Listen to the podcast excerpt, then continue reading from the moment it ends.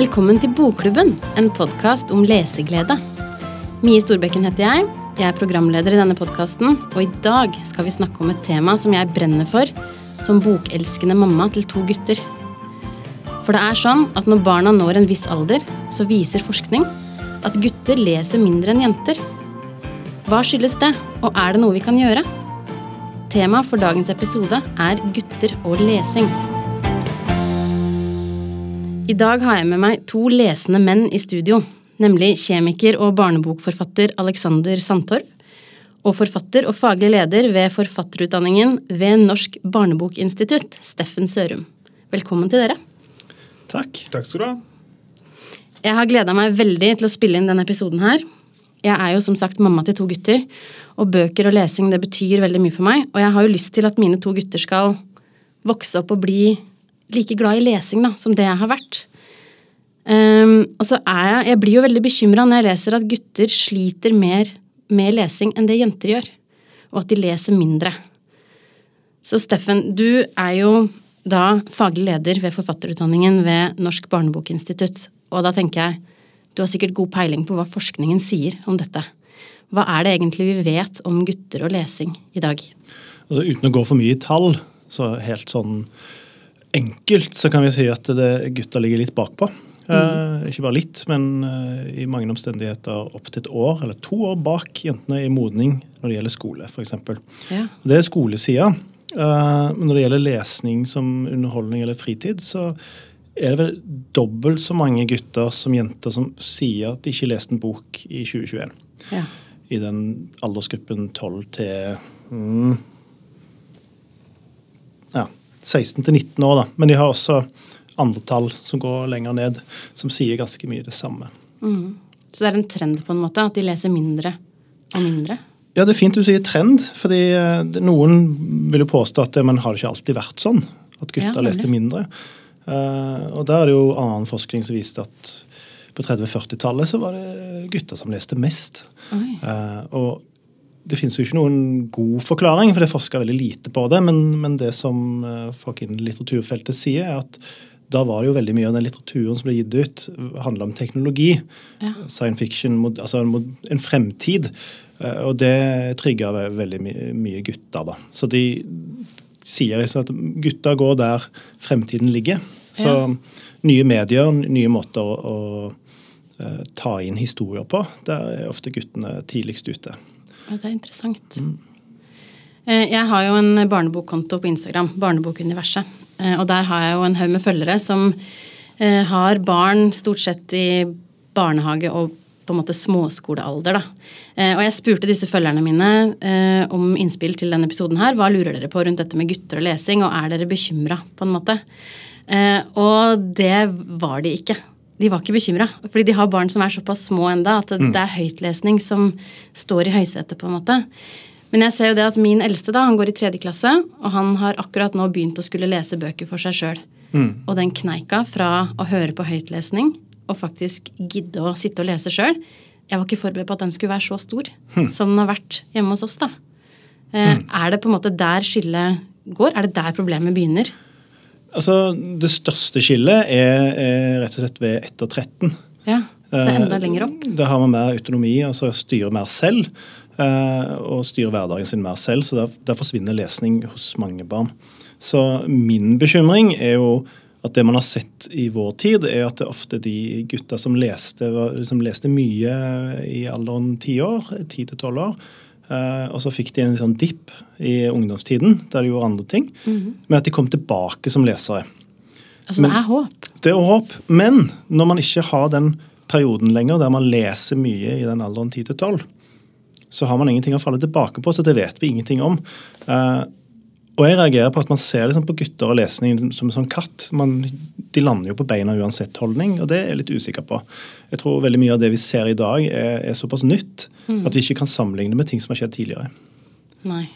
Men fordi man skal jo være ganske god i lesing egentlig før man får ordentlig glede av å sitte og lese en bok. Og det viktigste, den mest, mest, mest glede man har av bok, er jo når man danner bilder i hodet selv. Eh, og, og igjen så er det liksom, Hvis man leser lite, så dannes det veldig lite bilder i hodet også. Og da er det jo ingen altså, da skjønner vi jo at det er kjedelig å lese. For det, det gir det ingenting. Mm. Men jo mer man leser, jo enklere kommer de bildene i hodet. Så eh, jeg tror mye av det som kan gjøres, er jo f.eks. ta Harry Potter-universet. At man har sett filmene, man har kanskje lest en tegneserie, eller man kjenner til universet. Man har noen visuelle bilder. Hvis man da leser, så er det enklere å komme inn i det, fordi man får litt sånn støttehjelp da, på de bildene. Mm. Så at vi må kanskje altså Når vi var unge, da, eller i hvert fall jeg, er jo kanskje eldst her, så ble vi jo alltid skuffa når vi så filmen. Ja. For det var mye bedre i vårt hode. Mm. Eh, mens dagens ungdom ikke har den på samme måte. De, de, har ikke noe problem med å hoppe mellom univers. altså Spill eller filmen eller boken det er liksom ett fett, det er samme univers. Mm. Så de er nok uh, hva skal jeg si, mindre, eller mer tolerante i forhold til universene.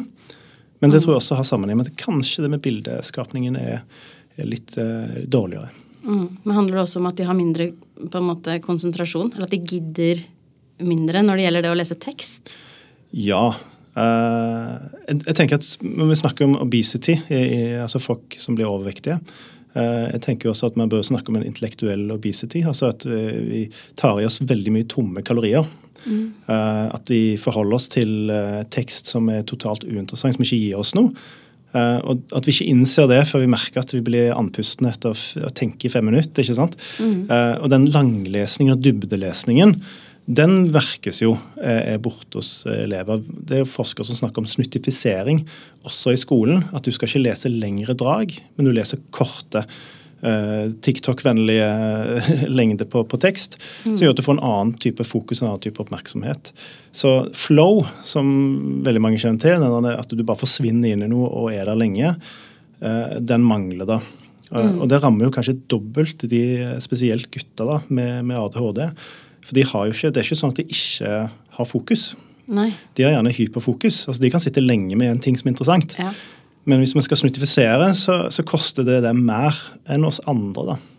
Så mm. det er flere ting som sammenfaller på én gang. Mm. Mm. Men du, Alexander, du er jo barnebokforfatter mm. og har skrevet barnebøker om Eh, altså det er sakprosa ja, du skriver. Sakprosa, ja. Mm. Mm. Fordi du har bakgrunn som kjemiker. ja, vaskeekte kjemiker, pleier jeg å si. Mm. Så det er jo min sjanger, da, eller den type um, del av, av, litteraturen som jeg jobber med. Og den henvender seg jo for alle, men jeg tror nå guttene spesielt vil jeg si, finner mye i den type litteratur. Og det er jeg pleier å si en blanding mellom wow, aha og æsj. Ja. Altså, det er sånn det, Godt beskrevet. ja, takk. Det er læring og morsomt og vitenskap. sant? Det er inngangsporten med, med, med bakgrunn. Men det er òg litt ekkelt og litt groteskt og masse humor. Mm. Um, og det har vært den type litteratur som jeg sjøl ønsket jeg hadde som barn. Ja. Uh, så det er ofte sånn som forfatter at man blir det man sjøl ville ha som leser sjøl. Mm. Uh, og det tenker jeg er jo mitt lille bidrag i dette. Jeg syns jo òg alt det som du sier, Steffen, kjenner meg veldig igjen i. Og jeg tror en ting også, det du sa med at man leste mer før, altså guttene leste mer før, det har jo òg litt med konkurranse tenker jeg, å gjøre. Mm. At i dag, sånn som du sier med dette med å bli så overvelda av alle tilbud som fins, mm. med YouTube og filmer og spill. Og Da forsvinner jo kanskje For det, det er det som er med tekst. Det krever noe. Mm. mm. Jeg tror Hvis du skal se en film, så krever det veldig lite. Det er kanskje det som er appellen. Men du må faktisk sitte deg ned og gjøre det. Så det er jo en ting med at du må liksom kjempe imot kanskje å gjøre det mer attraktivt. da. Mm. Og da er det jo nettopp det med at det som er så enestående med litteratur, det er at det er en privat opplevelse som skjer inni deg, men det krever øving, tror jeg. Sånn som du sier, Steffen, også, at uh, det er litt urealistisk å forvente at en som ikke har noen møter med tekst skal kunne klare å ha disse kjempefine opplevelsene i utgangspunktet. Så jeg prøver å ha det litt i bakhodet når jeg skriver. Ja. Eh, og så kan andre vurdere om jeg har hatt suksess med det eller ikke. Men for så skriver jeg i den serien min Vitengalskap, så har jeg veldig sånn, det er kortere tekster. Mm -hmm. ut for å spille på det. Og så er det tekster som er konsistent univers. Så det er en rammehistorie rundt. Og så um, er disse tekstene frittstående. sånn at hvis du syns det er lettere å komme inn og ut av det, så kan du det. Men hvis du har lyst til å følge gjennom hele boken, så kan du òg det. Det likte jeg veldig godt. At man kan på en måte hoppe midt i boka og lese det som handler om den altså tingen Svartedauden, eller hva det var. Ja, eller den liksom. tingen som du syns hadde en veldig kul illustrasjon, så kan du lese det først. Mm. Eh, så det, det, har vi prøvd å på en måte tenke litt at vi kan eh, få med oss de som kanskje syns at det er litt vanskelig eller litt treigt å begynne. Eh, og det er liksom sånn jeg ønsker å gjøre det. da. Men det er klart jeg skriver jo også tekster som er mer sammenhengende, og jeg, jeg syns det også er tekster vi trenger. altså. Men det er bare en ting som jeg syns er spesielt gøy. Ja. Jeg har jo lest den uh, siste boka di, eh, 'Syke sykdommer'. Ja, jeg har lest den for guttene mine. Den blir jo hovedbok i bokklubben. Eller vil si den har vært når denne episoden kommer ut. Eh, så gratulerer med det, da. Ja, tusen takk. Det er jo helt, eh, den falt veldig i smak hos mine to. Ja, Hva var responsen da? Nei, De syntes det var kult. Og så ville han minste særlig, da, han elsker sånne ekle og skumle og alt som er ondskapsfullt og sånn, så han syntes det var helt topp å lese om ondskapsfulle sykdommer, på en måte. Så det, ja, eh, Og de illustrasjonene er jo òg De appellerer veldig mye mer til gutta enn til meg som mor, liksom. Ja, det, det er nok sant, det. Og det, det som er så gøy med illustrasjoner, er jo at du jobber jo tett med illustratøren. Og da har vi litt sånn policy på å gjøre det litt eklere enn det Ja. som kom som første utkast. Så det er jo gjort med vilje, da. Ja. Jeg koser meg, jeg vet du. Altså, jeg har det så gøy. Men jeg lurer på én ting, da, og jeg vet ikke om det er en uh, brannfakkel eller hva jeg skal kalle det. Men liksom, kan det være sånn at vi undervurderer vi gutta litt, liksom? Er det sånn, Kan de bare lese faktabøker om sjuke sjukdommer og pirater, som jeg vet at du har eh, skrevet om? Er det på en måte Om vi undervurderer dem som Ja, lesere fordi de ja. leser sakprosa. Eh, For det har det jo vært en tradisjon for, at gutter mm. leser mer, mer sakprosa. Eh, Nå skal det sies at veldig mye av den sakposen som kom ut de siste årene, er veldig annerledes enn det som på en måte var den tradisjonelle sakposen. Vi har jo hatt mye mer bøker som går på helse og eh, mental helse. Mm. Temaer som kanskje ikke nødvendigvis treffer gutter like godt, som vulkan og hai, f.eks. Ja. Altså de mer konkrete tingene. Um, det som kan være årsaken til at gutter har gått mer til sakposer og mindre til kjønnlitteratur, ut ifra hva forskningen sier, at gutter i større grad er mer interessert i ting enn mennesker. Å, det er interessant. Um, at det er en forskjell. Det, de går til gjenstander, de går til modelltog eller maskiner og, og sånt. Så Derfor tenker jeg det er viktig å opprettholde den type litteratur også.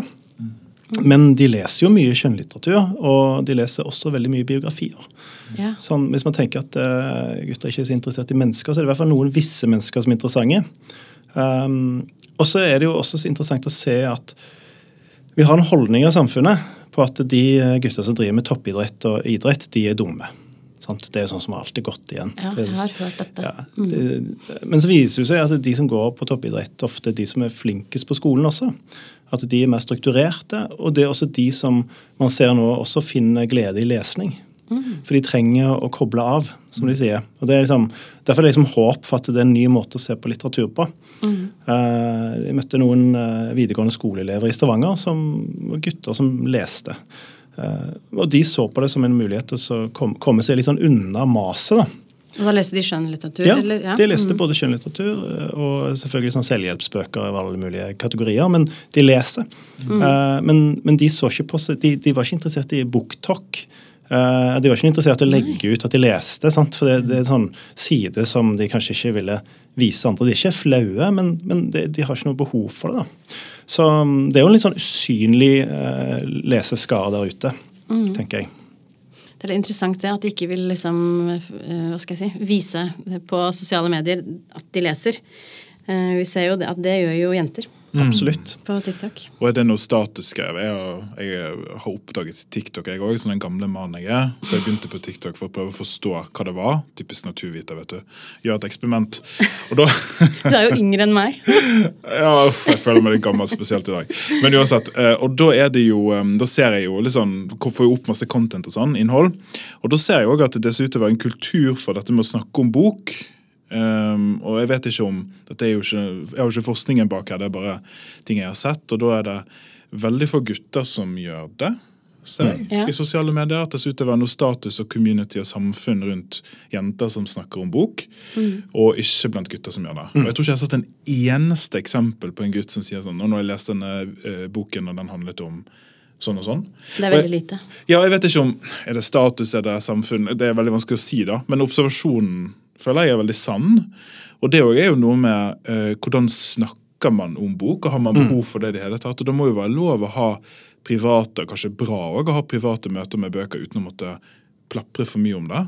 Det må jo være lovlig, syns Ja, ja. jeg. Det er Det er derfor ikke forbudt. Nei, det syns jeg ikke skulle være forbudt i det hele tatt. Og jeg leser jo altså selv da, bare mitt eget liv. Jeg leser veldig mye sjøl. Og det er jo, tenker meg, hvor, ofte snakker jeg om bøker på en måte, sånn på privaten? og sånn? Ikke så ofte. Men jeg kan, ha, så jeg kan ligge og gråte i sengen før jeg har lest noe kjempefint. Men det kan jeg ha for meg sjøl òg. Eh, så jeg syns ikke vi skal liksom tolke for mye i hva vi ser på sosiale medier, men at det er en kultur, en kjønnsforskjell i kulturen, det syns jeg ser ut til å være ganske tydelig. altså. Og det er jo, jeg tenker på sånn som BookTok. Altså Hvis du går inn i en bokhandel i Norge, så får du en stor vegg med dette, det som trender på BookTok nå. Eh, og Jeg så et eh, foredrag med en av de som jobber i Nordli, som sa at den, de som er på BookTok eller legger ut ting allerede, det er jo jenter i alderen 19 til 25 år. Så det er en veldig smal gruppe som plutselig har veldig mye å si på hva som skal være på den veggen der. Eh, jeg tenker at det er jo veldig mange eldre lesere som kanskje vil finne de bøkene veldig uinteressante. da. kan det være. Kan hende. Men det er noe med denne Jeg har en sønn som er tidligere proff gamer. Og jeg og han reiser rundt med kulturell skolesekk altså på skolebesøk og snakker om gaming. Siden jeg er pappa og han er sønn, så kan vi liksom ta hverandre for bullshit. da. Ja. Eh, og Da snakker vi også om litteratur og historiefortelling. Og da er det veldig mange som blir interessert å høre hva den boka het. Ofte Ofte gutter. Så de, er jo veldig, de har jo lyst, og, og de syns ting er interessant. De har lyst til å høre hva den boka het. og sånn, og Det, det syns jeg er veldig positivt. Eh, og det å så se på litteratur som tøft. Det har jo liksom, Norske polaroppdagelsesreisende de skrøt jo av biblioteket de hadde på Fram. ikke sant? De hadde et bibliotek, med veldig godt utrustet bibliotek. Mm. Ja, det, Her fantes det bøker. Det var liksom en- det innsalget for å få med folk ut i det kalde klimaet der. liksom. Så det har jo hatt en annen status. Men det, eh, jeg har snakka litt med en kollega om disse bøkene som har kommet nå med eh, gaming-tema. Hva- Har, du- har du lest eh, mange av de? Altså, Det er jo et merkelig miljø, altså gamingmiljøet. og um, De er jo mer interessert i å gjøre noe annet, tror jeg. Det er for de jeg kjenner. Altså, De vil ikke lese om noen som spiller spill. De vil jo helst Det var litt min tanke. ja, ikke sant? Yeah. Men det er jo spennende for oss som jobber i feltet, da, å lese om hvordan det egentlig har ungdommen når de spiller. Men, men det er jo noe med som man ikke skal feie under teppet, at de har jo lyst til å lese om seg selv. Som egentlig alle andre, oss også. Vi har lyst til å lese om oss sjøl, og, og det er jo alltid interessant å se på hvilke tilbud som fins. Hvis du lurer på hvorfor gutter ikke leser, så er det jo å se på hva som faktisk gis ut. Eh, og nå var det jo av 35 ungdomsbøker som kom i fjor.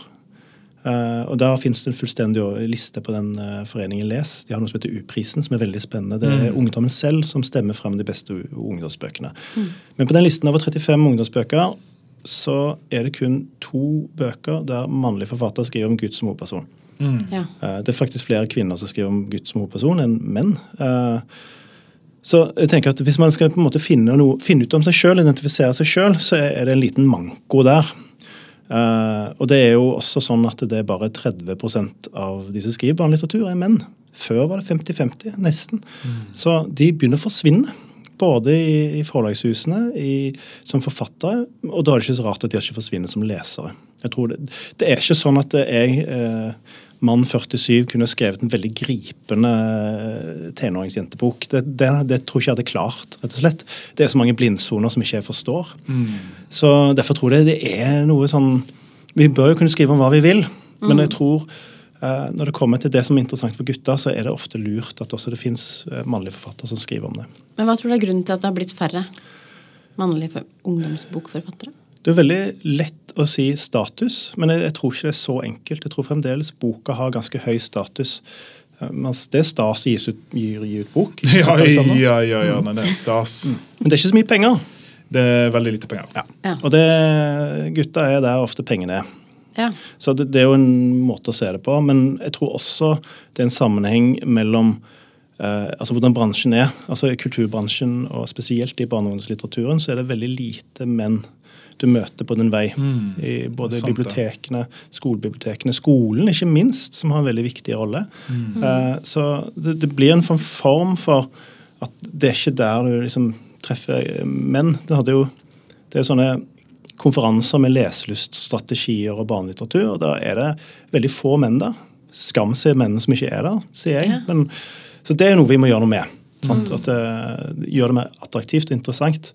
Uh, på samme måte som man hadde på, på 80-tallet. Hvordan skal vi få flere kvinner inn i kjemi? eh, Inn på fagene, sant? At vi måtte gjøre noen grep, rett og slett. Fordi det er kjempebra med et mangfold. Ja, jeg er helt enig. Jeg tenker også at det er, det er mange måter å se på problemer eller utfordringene på, men jeg kjenner meg veldig igjen i dette med, med at den floraen som eksisterer, kanskje er litt det er vanskelig å si hva som er høna og egget. da, Hva er problemet og hva er konsekvensen av det. Men jeg kjenner, jeg kjenner veldig godt litteraturfloraen i Norge via det at jeg er forfatter og kjenner mange forfattere sjøl og er på forlagene og snakker og sånn. Og det er vanskelig, dette det bare er helt empirisk fra min side, men det er vanskeligere synes jeg, ofte å pitche inn den type bok som jeg jobber med. Mm -hmm. um, og jeg um, jeg har bare observert at det Hvis du har noe som skriker veldig gutt, eller henvender seg veldig til gutteleserne, så er det med noe litt sånn flere forbehold. Og det kan jo være rett og slett at det bare selger mindre. Mm. Sånn, det er sånn, Guttene leser mindre, for det finnes mindre bøker, og derfor lager vi mindre bøker. så mm. derfor leser guttene mm. mindre. Og det er jo, altså Vi må ikke glemme det det er kunst å skrive, men det er også business og forretning. Mm. Og det er noen kalkyler som skal gå opp, mm. og det er noen porteføljer som skal fylles opp hos forlagene. Og sakposer, som er min ting, for gutter spesielt, er det ikke så mye av. Det ofte fotball. da. Det fins det en del av sånn, den store fotballspilleren, og det er kjempefint. men de andre tingene, altså Det er ikke alle som syns det er gøy heller. sant? Mm. Og jeg synes Det er så viktig at vi, vi favner om en, en, flora som treffer mye bredere kanskje enn den gjør i dag. Og det handler jo òg om, eh, om, å rett og slett gjøre det mulig for forlagene og forfatterne å skape de bøkene. Mm. Og, og, de mulighetene har faktisk forlagene. De har momsfritak, mm. de har støtteordninger. Mm. Så de skulle nok i større grad tatt et annet samfunnsansvar på hvilke bøker de gir ut til, til, mm. hvilke grupper. Men Det er vanskelig, det er et smalt marked. Men samtidig så er det jo en interesse der, eh, og det merker jo sikkert du også, Alexander, ja. å være på skolebesøk. Mm. Eh, jeg fikk eh, nesten grene meg til å gi ut noen faktabøker som heter 'Krigere og flere krigere', som handler om krig.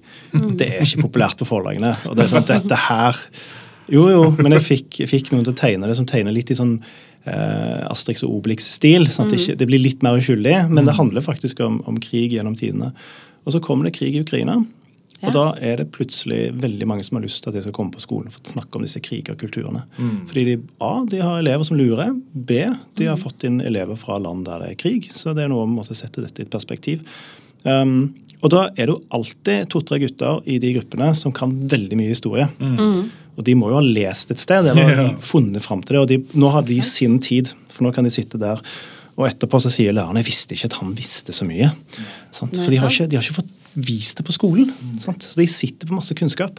Og Sånn er det med kjemi òg, tenker jeg. Altså det, vi har jo en realfagskrise, blir det kalt. Det, det, er litt på siden, men det henger også sammen med at, at, litteraturen er ikke frittstående som bare en egen liten boble. Den hekter seg på samfunnet som helhet. Mm. Og en av problemene vi har med realfag, er at vi ser at færre og færre velger det. Færre vil studere i allfag og bli realister og teknologer, og det trenger samfunnet mer enn noen gang. liksom. Så enkelt er det. Og Da er det mye spørsmål om hvor ligger problemet, hvor ligger problemet, og så er det sånn som alltid skjer, problemet skal liksom være 100% i skolen. Jeg tror ikke på det. Hvis dere ikke hører det fra stemmen min, så er jeg litt sarkastisk nå.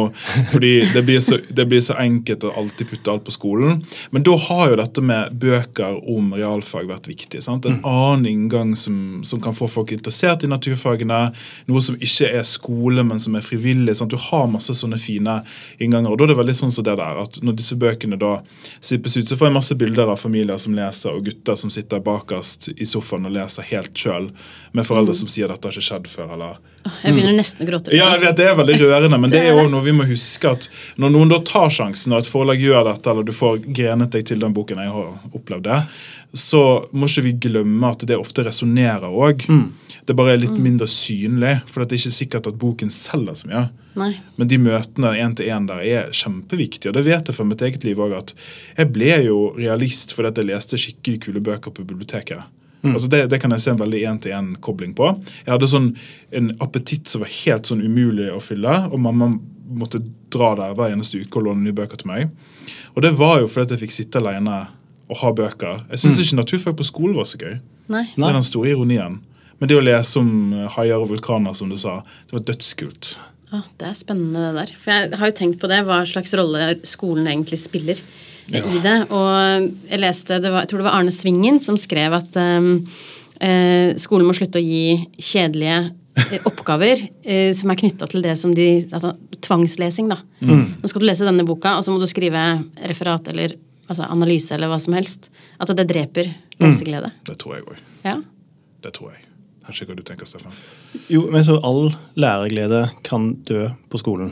Altså, jeg, jeg var jo så heldig Det er trist. Nei, men, men hvis man gjør det feil, da. Mm. Det har så utrolig mye å si med hvilke lærer du har. Og det merker jo vi som er forfattere som er på skolebesøk, som besøker nesten alle skoler i Norge i løpet av vårt liv. liksom. Mm. skjønner med en gang hvilken klasse du møter når du møter læreren. Ja. Så de er veldig viktige. Eh, men jeg husker at jeg hadde en lærer på ungdomsskolen, for jeg var veldig opptatt av kjemi. Eh, jeg ville lage bomber og raketter. Der har du det, vet du. Sant? Og da hadde vi en lærer som sa vet du hva, dere to, jeg og en kompis, dere kan være inne på kjemirommet i storfri. Så kan dere holde på. Det hadde jo ikke skjedd i dag. Han hadde fått sparken. Men vi var der, for vi, vi prøvde å lage raketter. Vi skulle få ting til å fly, og vi skulle lage det fra bunn. Og Vi satt da gjennom åttende og niende, var det vel. Det tok ikke to år, og til slutt så klarte vi det. Vi fikk Ja. lagd en aerodynamisk eh, rakett som kunne fly på, på, med eget lagt krutt. Og det var så stort. Eh, Og når vi kom på videregående, så tenkte jeg at jeg skal ta kjemi. Og den, det angra jeg på, for det, det, var- det var ikke det samme. Det var ikke gøy. Sant? Det, det, det ble noe helt annet. Jeg har hatet kjemi på videregående. Bare sånn at det er sagt. Ja. Altså, Jeg syns det var helt grusomt. Ja, men det er jo Det er jo ikke bra. Så jeg tenker sånn med lesing også, for du er, ikke, du, er jo glad i altså Alle elsker fortellinger, det, det, for det, men hvilket format du får det i, og hvordan det blir servert. Når du får det servert som en oppgave. Ja, sant. For det er det jeg tenker da med, med sakposer, som gir oss en litt sånn annen inngang. også. For i skolene så skal de klare alt, og de skal skape framtidens borgere, og det er masse masse greier som skal skje. Men vi må huske at disse barna og unge lever ikke på skolen. De har liv, fulle liv faktisk, utenfor skolen. Og det kan være at de kanskje ser en kul bok en gang som de har lyst til å lese, og da har du det da har du noe på gang der. Og jeg synes også, altså Selv nå er jeg høyt utdannet, jeg har doktorgrad i kjemi, jeg har jobbet som forsker. altså jeg, jeg er på en måte det som burde være eksempler på noen som har elsket skolen. Men jeg har ikke alltid hatt de beste inngangene sjøl. Og som sagt, jeg, måten kjemi ble undervist på for meg, gjorde at jeg ikke ville bli kjemiker. Og det som redder det litt, er jo disse bøkene som jeg leste på fritiden min. Fordi jeg hadde lyst, og fordi det var gøy, og fordi jeg fikk gjøre det på mine egne premisser. Og fordi at jeg ikke måtte føle at jeg måtte huke av på ting som jeg måtte ha gjort. Så det er jo en god grunn til at vi trenger disse bøkene. Selv om de kanskje ikke alltid selger så bra. Altså det, det har en enhetlig verdi at det eksisterer, tenker jeg. Ja, det er, jeg bare tenker at uh, meg sjøl som leser Jeg vil nok ikke påstå at jeg var sånn storleser i ungdomsårene mine. leste. Men så er det på en måte den, den nye interessen du plutselig får. Spesielt liksom når du begynner i denne 17-19-årsalderen som gutt, så skjønner du at det finnes en litt større dybde her i verden som man skal prøve å finne ut av. Så jeg har jo hatt nevøer da, som kommer i den alderen som spør om lesetips. Uh, som jeg merker at de vil gjerne uh, være der, men de skjønner ikke helt hvor de skal komme dit. For de har jo hoppet bukk over hele den lesekompetansen underveis. Så det å plutselig skal sette seg ned med Dostojevskij, det skjønner jeg blir veldig tungt. Det er ikke der du starter, liksom, men de vil gjerne se kule ut da, med en intellektuell bok. Men det er jo en, det er som å tre, trene hva som helst. da Du løpte maraton. Du, du, du må jo starte i det små. Du kan jo få slitasjeskader og gi opp liksom, hvis du ikke har en plan. Og det er tilbake til toppidrettsgjengen da, som går på toppidrettsgymnas. De har en plan. Eh, De legger en plan for seg sjøl, akkurat samme måten som de jobber med alt det andre. Det skal leses det skal leses 20 sider hver kveld, f.eks. Eller, Ja. Og hvis ikke de rekker det på sengen, så gjør de det på do på morgenen. sant? Og De har bare låst seg til en sånn tenkning som jeg tror akkurat en sånn overgang kan være veldig lurt. For det å å ha den indre motivasjonen, da, altså ytre motivasjonsdreven lesning, er jo veldig lett for oss foreldre å gjøre. Sant? Hvis du leser ti sider, så får du en sjokolade, eller du skal få lov å holde, sitte på skjerm. Da. Men da er den ytre motivasjonen den, Du finner ikke noe glede i lesningen, og du hopper over et par sider og later som du har lest. Du lurer jo bare deg sjøl, ikke foreldrene Det der er egentlig. notert, da skal jeg ta med meg hjem. Det der, Ja, sant? at det- Det må være en indre drive, og da er det jo det at de må få lov å velge sjøl. og da er det veldig lett som foreldre å si sånn Nei, nei, den, den så litt uh, vond ut. Eller at man plutselig begynner å sensurere. da, og det mange av de liksom, ordentlig gode barnebokforfatterne gjennom hele, hele liksom, perioden fra 50-tallet opp til i dag, hva er mantraet? Slipp barna løs. sant? La de få lov å velge. Alt fra Roald Dahl til uh, Arne Svingen, som du nevnte. Um, Jon Evo er en av de som på en måte nesten var forbudt på biblioteket sant? i sin tid. Fordi de var liksom sett på som litt sånn ekkelt. Men det appellerte. Så tenker jeg la de rett og slett finne ut av det sjøl. Ja. Jeg, dette er, jo- jeg elsket jo Roald Dahl som barn. og det tror jeg du kan se i posen min i dag. Jeg tror det er Nor Noraldalsk over måten jeg skriver på. Så så direkte en-til-en-link. Og jeg, jeg um, har jo alltid hatt en sånn tilnærming om at uh, det skal liksom over streken. For det er ikke gøy hvis ikke. Og liksom, eh, eksempel syke sykdommer, så snakker jeg om kolerautbruddet i London, der mange mange mennesker døde på groteskt vis. Så det er sånn, er det noe morsomt da? Ja, litt. Det kan være det. Du må bare det på riktig måte. Og det bryter jo med litt sånne regler og konvensjoner om hva du kan skrive om, og hvordan du kan skrive om det. Jeg kunne jo skrevet om det på en veldig sånn, å det var så trist og stakkars disse menneskene. Men istedenfor så er det en illustrasjon av en dame som bæsjer på seg. Og, og det er liksom, ja, det Jeg tenker det er gøy, jeg. Ja, men det syns de er gøy. Mine barn syns den illustrasjonen var Ja, veldig gøy. Takk. Men det er jo veldig sånn, det, har jo, det føler jeg jo på av og til. At jeg krysser grenser. Er dette egentlig ok? Og vi går jo noen runder på det internt òg. Ja. På hva er morsomt, og hva kan du spøke med. og sånn. For eksempel så, I den boken så skrev vi om lobotomi, eh, som vi kuttet. For det var ingen måte å få det til å bli ok på uten at det ble helt bekmørkt. Og det kan vi skrive om òg, men det var ikke den boken. Så det er et eksempel på sånn Det er ikke alle ting som skal med, men jeg, jeg har alltid hatt en sånn der Hvis less is more, så hvor mye mer er mer, liksom. Og skru det opp. Leke med det. Det har vært min tilnærming, i alle fall. Jeg har jo fått med meg at det er noen stemmer der ute som mener at det er uh, ufruktbart å fokusere på gutter som dårlige lesere. At uh, på en måte ved å si at guttene er dårlige lesere, så blir gutter dårlige lesere, på en måte. Uh, hva tenker du om det, Steffen? Nei, altså, på ene siden så er det en selvoppfyllende profeti. Hvis vi hele tiden sier at gutter er dårligere enn jenter, ja, men så blir det jo det. Uh, men så når det gjelder både gutter og jenter, hver gang vi diskuterer gutter og jenter, så er det jo alltid en diskusjon som føles som et nullsumspill. Hvis noen vinner, så er det noen som taper. Eh, og når vi snakker om at gutter sakker akterut, så blir det fort til at man går i forsvar for at jentene plutselig kan sakke akt bakover. sant? Altså, Den kvinnekampen som har vært, og fremdeles er, er veldig viktig, og man er veldig redd for at ting plutselig kan revisere. Det så vi under korona, f.eks. Første store liksom, mediesakene var nå kommer kvinnene tilbake til kjøkkenet, og kommer de til, kommer de tilbake til jobb. sant? Ja. Det var en reell frykt for at uh, det som måte, likestillingen som var opparbeida, kunne forsvinne. Så Derfor klinger det veldig dårlig når man snakker om at vi må hjelpe guttene. for veldig mange. Man ser for seg alfahannen liksom, som står der og skal ha hjelp. Det, det er ikke et godt bilde. Så vi glemmer litt at gutter er også en ganske hva skal jeg si, mangfoldig gruppe. da. Og veldig mange av de guttene som har falt helt utafor, som ikke er verken med i, i debatten, de er ikke på arbeidsplassen, de er ikke på utdannelse. De sitter kanskje hjemme hos mor og far på et rom og gjør ingenting. Det er de guttene som jeg er bekymra for, som ikke måtte starte opp livet sitt. da. Um, og så er det jo lett å glemme i en, eh, den hverdagen vi er, at vi tenker liksom at alle får seg en jobb innen eh, high-tech eller fintech eller et eller annet. Men vi er helt avhengige av håndverkere. Sant? Vi er helt avhengige av fysisk kraft som kan få samfunnet til å fungere. Og de som jobber der, er liksom lavt lønna, lavt utdanna eh, og er de første som ryker. Sant? Både på depresjon, selvmord, eh, dårlig helse. Dør på arbeidsplassen. Eh, så Det er også en side av det å være mann. Det er ikke bare spetalen og finanskongene. Mm. Så hvis vi begynner å sortere det, så er det litt lettere å snakke om det. Ikke sant? Så da kan vi se på ok, hvis gutter gjør det så dårlig på skolen i forhold til jentene, er det fordi jentene er så innmari smarte, eller er det fordi vi har et skolesystem som eh, vil at alle skal være mest mulig like? For hvis det er mest mulig like som gjelder, så fungerer det egentlig dårlig for alle. Ikke sant? Sant? Det vil også ramme jentene til slutt, for det er ganske store forskjeller der også. Så um, jeg tror vi kan få en ganske sunn eh, debatt om det. Men det å ta guttene i forsvar, det er livsfarlig. Det vet Jonas Gahr Støre. For når han går ut på Facebook og skal snakke om leselyststrategi, så er han veldig forsiktig med å si at vi skal gjøre noe for guttene. For det vet han. Når Arbeiderpartiet gjør så dårlig nå, så kommer de gjøre det skikkelig ræva hvis han sier det. sant? Så alle de som jobber med gutter og lesning, sier jo at det, det må du ikke finne på. Skal du gjøre karriere, liksom, så må du ikke snakke om det her. Eh, Bare la det være, liksom. Det er ikke der vi er. Og det syns jeg er innmari trist. For jeg tror det kommer til å slå tilbake på alle. Det er ingen som er tjent med å ha noen som verken kan uttrykke seg, som ikke har kjent på empati, som ikke kjenner historie, som føler seg frarøva alle disse tingene. Og så må vi huske helt til slutt at du kan faktisk, Som gutt kan du bli født av en jordmor. Du kan gå i barnehage, og bare være i kontakt med kvinner. Du kan gå gjennom hele skolelivet ditt og ikke møte en mann. Og når du pokker meg i dør på et aldershjem, så er det ikke nødvendigvis en mann som er der og vasker deg bak heller. sant? Så, så du kan gå gjennom hele livet uten å være i kontakt med andre menn. Hvilket samfunn er vi har rigga, liksom? Så mm, jeg tenker at det er ganske mye større enn bare lesning. Men lesning er absolutt en stor del av det.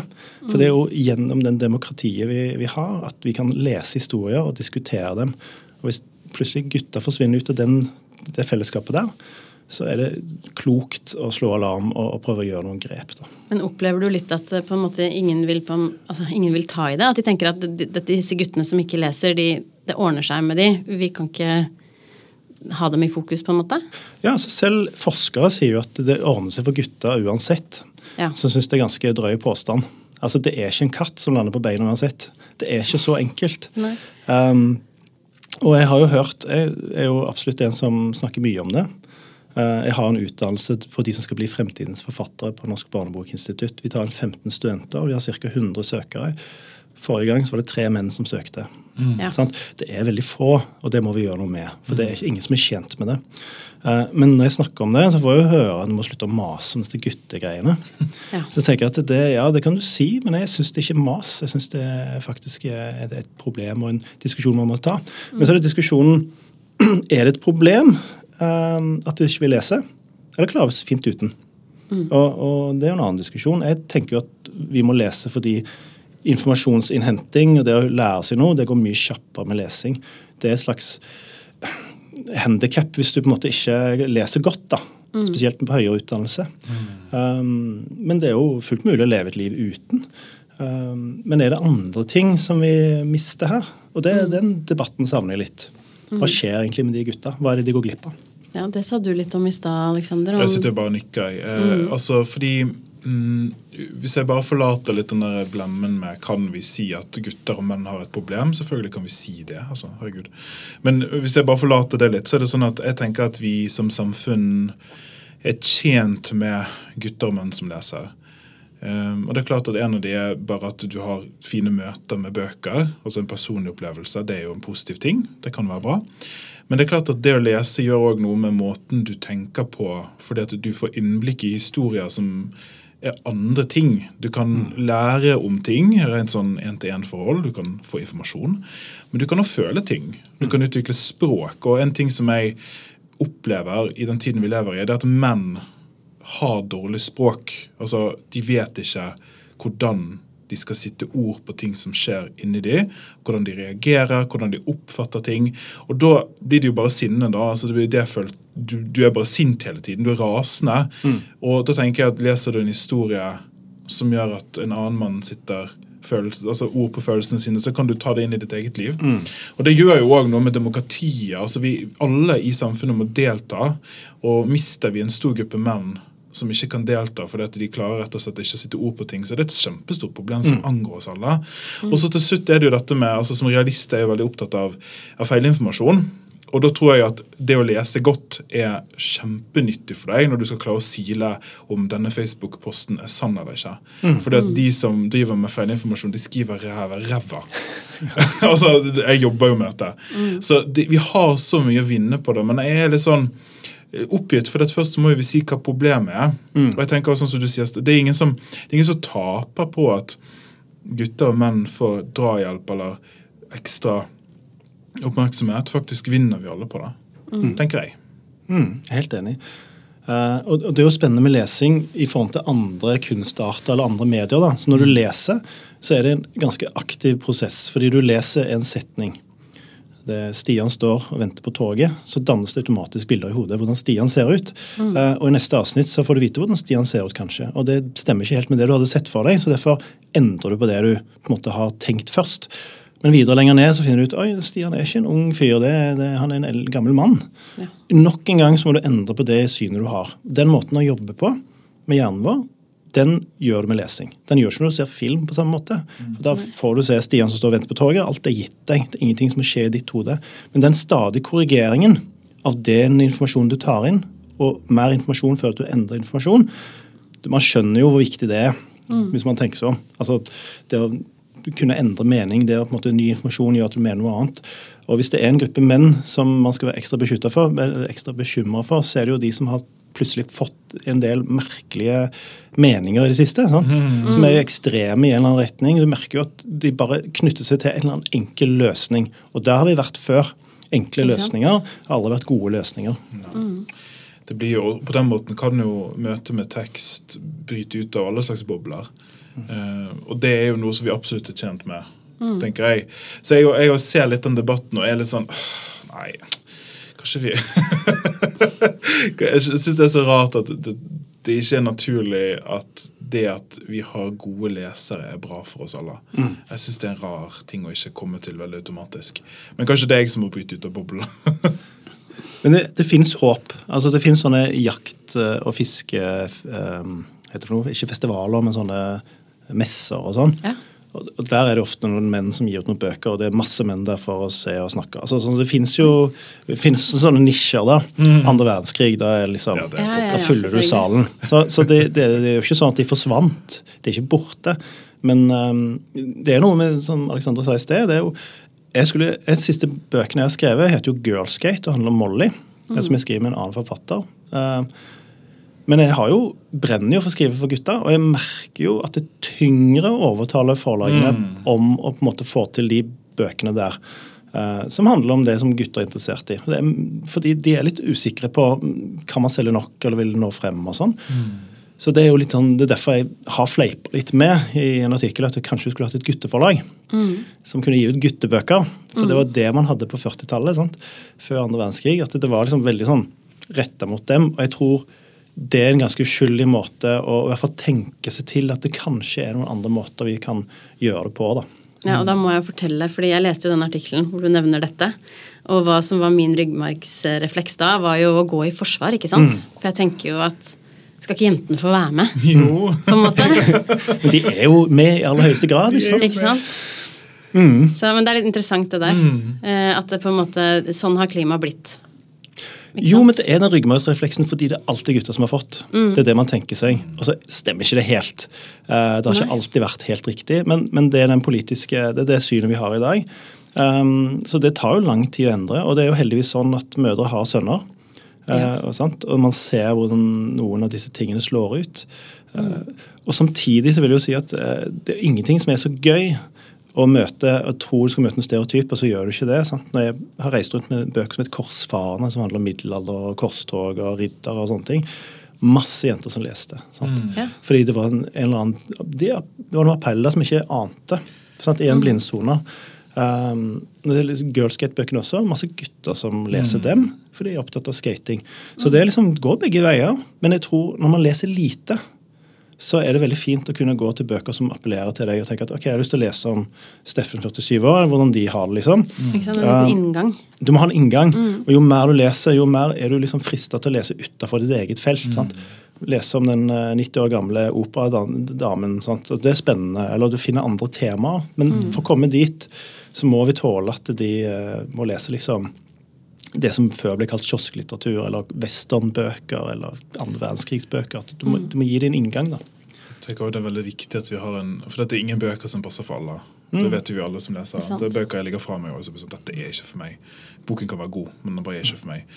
Og da må vi òg ha en samlet sett, sånn at vi, vi, altså Norge lager så mange bøker at vi treffer så mange som mulig. Og noen av de bøkene kommer ikke til å være sånn her kritikerroste darlings som flytter fagfeltet for alltid, liksom. Noen handler om tog. Og noen handler om altså, det helt- Og det må vi ha. Vi må ha det. Vi må ha alle disse bøkene. For det, det finnes så mange ulike typer lesere og på ulike stadier og ting de interesserer seg for. Og jeg har opplevd sånn som du sier med at, at bøkene dine fenger andre enn hva skal man si, det man skulle tro mine bøker, er jo mange jentelesere òg. Ja. Altså Som leser disse bøkene som mange ville tenkt er en guttebok. Som syns det er helt supert. Og som blir inspirert, og som har lyst til å bli kjemiker eller forskere. Og Det er jo en viktig ting. Så du kan ikke alltid forutsi eller planlegge hvordan nedsagsfeltet til en bok blir heller. Og det er jo et argument for at selv om kanskje inngangen er mot gutteleserne, så vil jo ikke det bety at ingen andre kan lese det heller. Nei, og det har jo Tidligere så var det sånn at, at, jenter gjerne leste med gutt som hovedperson. Uh, og at mm. gutter var litt mer sånn, det, måtte være en gutt som hovedperson, ellers gikk det ikke. Men der har jo også jentene blitt uh, liksom verre, da, for å sitte det hermetegn, at de gjerne vil lese om jenter som hovedperson i mye større grad enn tidligere. Så Harry Potter, mm. hvis jeg skulle blitt gitt ut i dag, så måtte nok Hermine vært hovedperson. For at den skulle fått det gjennomslagsfeltet. Fordi, så det er jo veldig rart. Ja, det er veldig rart, for samtidig så er vi jo føler vi jo at vi er mer åpne og liksom, mm. har et samfunn som inkluderer mer. Men samtidig så er det sånn, vi har blitt mye mer konservative i forhold til hvordan vi leser. Og det tror jeg har sammenheng med at vi leser mindre. Ikke sant? Mm. Så du har på en måte bare plass i lesetiden din for det som på en måte du kan virkelig mm. kjenne deg igjen i?